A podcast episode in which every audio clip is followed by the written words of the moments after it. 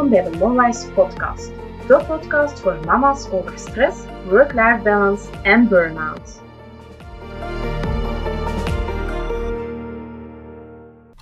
Welkom in deze zevende aflevering van de Monwise Podcast. In deze aflevering leg ik je uit hoe je in drie stappen van dat kritische stemmetje in je hoofd je meest trouwe supporter kan maken. Hoe? Door 1 te ontdekken hoe die stem eruit ziet en waar ze vandaan komt. 2. Die stem om te buigen naar iets positiefs. En 3. Door ze doelgericht in te zetten om jouw zelfvertrouwen te vergroten. Heb je dat soms ook? Dat gevoel dat je onzeker wordt van dat stemmetje in je hoofd. Je weet wel, met van die gedachten die je doen twijfelen aan jezelf. Zoals, ben ik wel een goede mama? Doe ik het wel goed?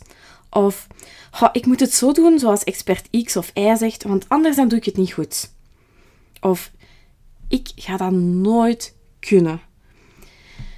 Je hoort de stem soms, of misschien net heel veel, in de stille momenten, of net ja, als je in de supermarkt staat. Het is bij iedereen anders, maar meestal voelt het heel vervelend aan. En dat stemmetje, als dat goed zit, dan draagt dat bij jouw zelfvertrouwen. Maar als dat niet goed zit, dan maakt het jou klein, onzeker. En onzeker als mama, maar ook als vrouw. Wat als ik je nu zeg dat je van die kritische stem toch echt wel je meest trouwe supporter kunt maken? En een enthousiaste. Ja, zeker, dat kan. Ik zei het al in de inleiding van deze podcast. Je kan dit leren. Je kan een mentale ingesteldheid ontwikkelen met gedachten als: je gaat dat kunnen. Je bent een goede mama, punt. Oh, zie hoe gelukkig hij of zij is. Ik doe het keigoed. Goed bezig. Of, weet je, het maakt niet uit wat een ander denkt of doet. Dit voelt goed voor mij. In plaats van je onzeker en klein te maken, zorgt deze stem ervoor dat je je gevoel durft te volgen en dat je volledig in jouw kracht gaat staan. Deze supporter zorgt er namelijk voor dat jij weer in jezelf gaat geloven en dat je de mama wordt die je graag zou willen zijn. Nu, het vergt wat tijd en oefening, maar zoals ik zei, komt het dus neer op drie pijlers. 1. Inzicht in waar die stem vandaan komt. 2. Leren hoe je ze op een positieve manier kan ombuigen. En 3. Hoe je ze kan inzetten om je zelfvertrouwen te laten groeien. We gaan eraan beginnen. Waar komt die kritische stem nu vandaan? Om dat te ontdekken is het belangrijk om te weten dat een gedachte het gevolg is van hoe je kijkt naar een situatie. Met andere woorden, hoe je oordeelt over een situatie. Ik herhaal het nog even. Een gedachte is het gevolg van hoe je kijkt naar een situatie, het oordeel dat je daaraan koppelt. En die oordelen die komen weer voort uit je persoonlijke normen en waarden.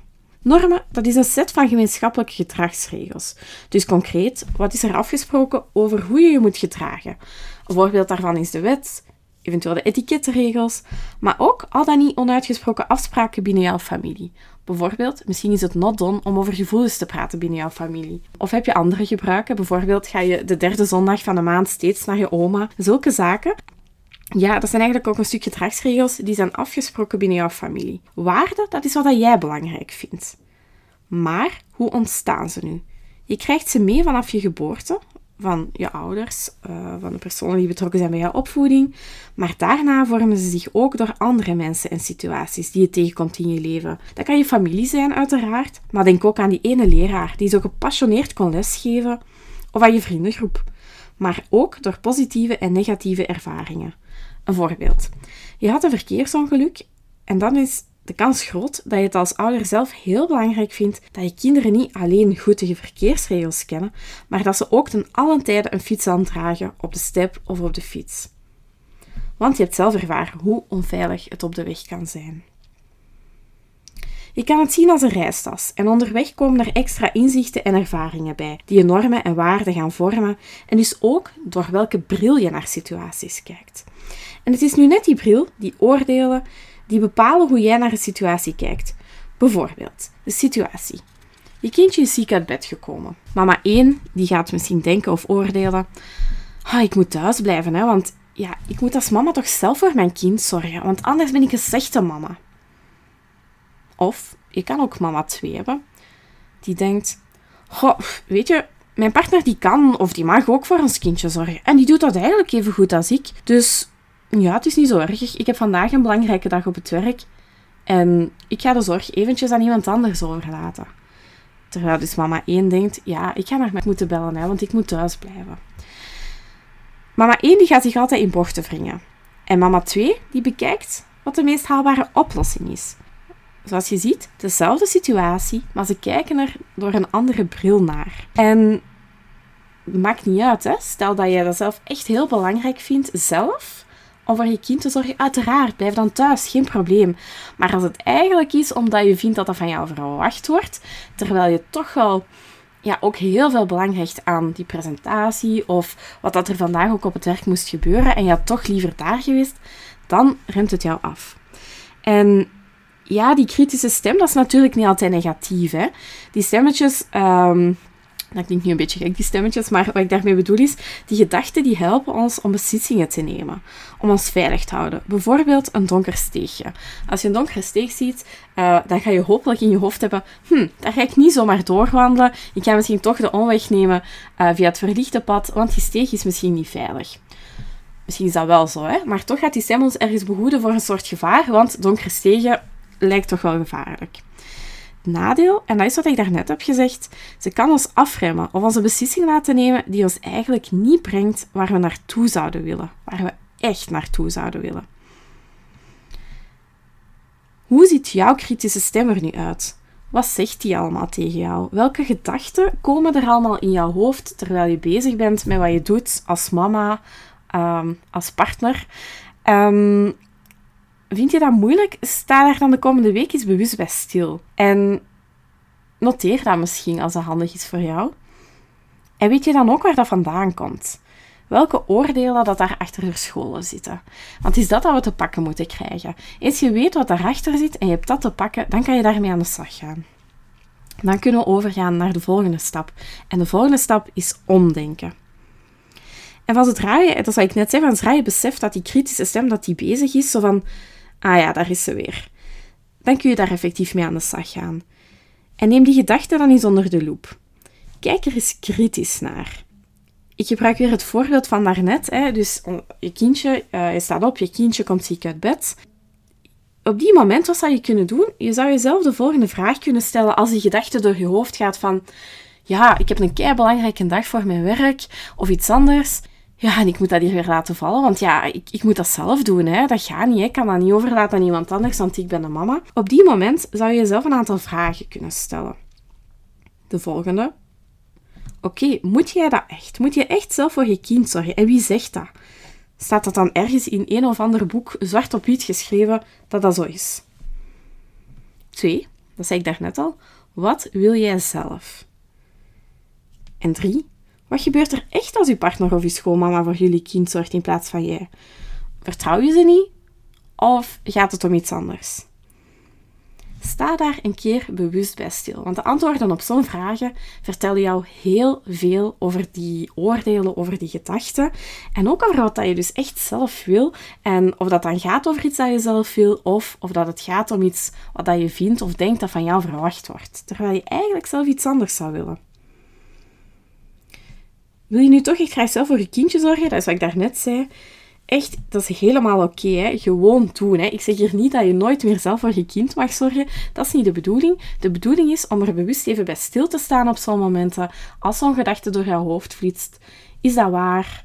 Kijk daar eens door een andere bril naar. En ja, komt dat overeen met wat je eigenlijk zelf zou willen. En uh, gaat een beetje soft klinken, maar diep van binnen ga je dat wel voelen. Dat gaat een beetje wringen. Um, en dat zijn de momenten dat je er eigenlijk het best bij stilstaat. Vind je dat nog lastig? Dan kan je een keer de volgende stap doen en ja, dat ombuigen naar iets positiefs. In deze situatie zou dat kunnen zijn: Weet je, ik heb er moeilijk mee, ik voel mij misschien een beetje schuldig, maar ik geef mijn partner, mama, schoonmama, wie dan ook dat je vertrouwt om op je kind te passen, om voor jouw kindje te zorgen, ik geef die ook de kans om te helpen en om voor ons kind te zorgen. Een andere zou kunnen zijn: Weet je, mijn partner kan even goed voor ons kind zorgen, dus ik kan met een gerust hart gaan werken. Als er iets is, dan belt hij mij vast wel op. Probeer dat nu zelf eens. In het begin vergt dat heel wat oefening. Um, gaat niet bij iedereen vanzelf, dus dat is normaal. Maar na een tijdje gaat het automatisch. Dus ik herhaal de stappen even. Stap 1 is echt bewust worden van, oké, die gedachte zit in mijn hoofd, daar is ze weer. Stap 2 is stilstaan en eventjes onderzoeken van, ja, klopt die wel? Is dat wel juist? Is dat wel, staat dat ergens geschreven? Wat vind ik daar nu zelf van? Van waar komt dat? En 3 is, als je zoiets hebt van, nou, dat is eigenlijk niet wat ik zelf wil, is die vastpakken. En die ombuigen naar iets positiefs, zoals ik net gedaan heb. Dat zijn eigenlijk de eerste stappen dat je, dat je best kan nemen. En daar gaan we eens een paar weken mee te oefenen. De derde stap is om ze bewust te gaan inzetten om je zelfvertrouwen te laten groeien. En hoe doe je dat nu? Je gaat merken, um, als je daar een aantal weken mee bezig bent, dat er steeds een aantal thema's gaan terugkomen. Thema's die voor jou uh, belangrijk zijn, die misschien gevoelig liggen. Um, maar je gaat dan merken dat er een soort rode draad zit in die kritische gedachten. Of dat ze vooral voorkomen in bepaalde situaties. Bijvoorbeeld, misschien heb je vooral die gedachte, zo'n kritische gedachte over jezelf als je een fout maakt. Een hardnekkige kritische stem zal dan helemaal uit zijn dak gaan. Ja, stomme, puntje, puntje, puntje. Had je nu niet puntje, puntje? Of, oh, ze gaan nu vast echt wel vinden dat ik dit of dat. En zo gaat dat nog een tijd door. Totdat jij stevast met een rot gevoel blijft zitten. Wat als je nu in de plaats zou kunnen denken...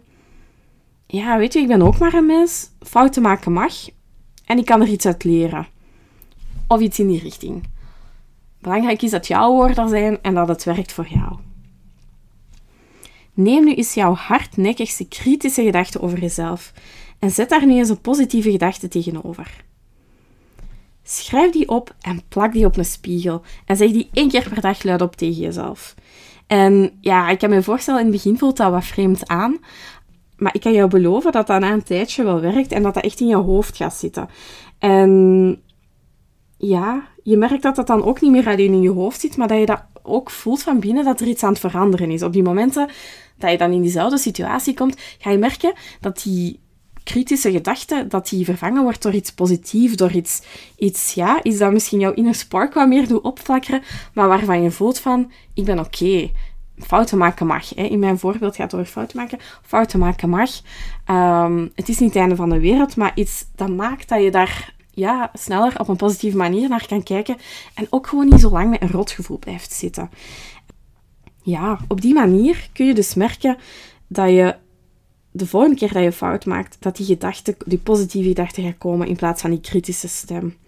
En zo kun je er dus voor zorgen dat die kritische stem jouw meest trouwe supporter wordt. En dat die in plaats van alleen maar negatieve gedachten te, te spuien um, en in jouw hoofd te brengen, ja, dat dat positieve gedachten zijn en dat die bijdraagt aan jouw zelfvertrouwen als mama en als vrouw. Zo, we zijn aan het einde van deze aflevering gekomen. Ik hoop dat je uh, de moed hebt om hiermee aan de slag te gaan. Um, als je vragen hebt, dan mag je mij uiteraard steeds een mailtje sturen naar info.monwise.be.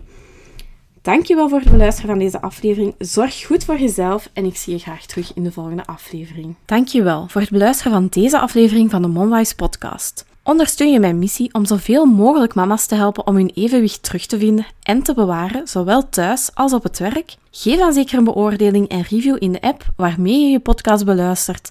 Of abonneer gelijk als je geen enkele aflevering wil missen. Wil jij na het beluisteren van deze aflevering graag nog meer tips over op een gezonde manier omgaan met stress en vermoeidheid als mama? Volg me dan zeker op Instagram via @wearemonwise of kijk op www.monwise.be gratis aanbod voor een aantal leuke downloadables. Nogmaals bedankt voor het beluisteren van deze podcast. Zorg goed voor jezelf en tot volgende keer.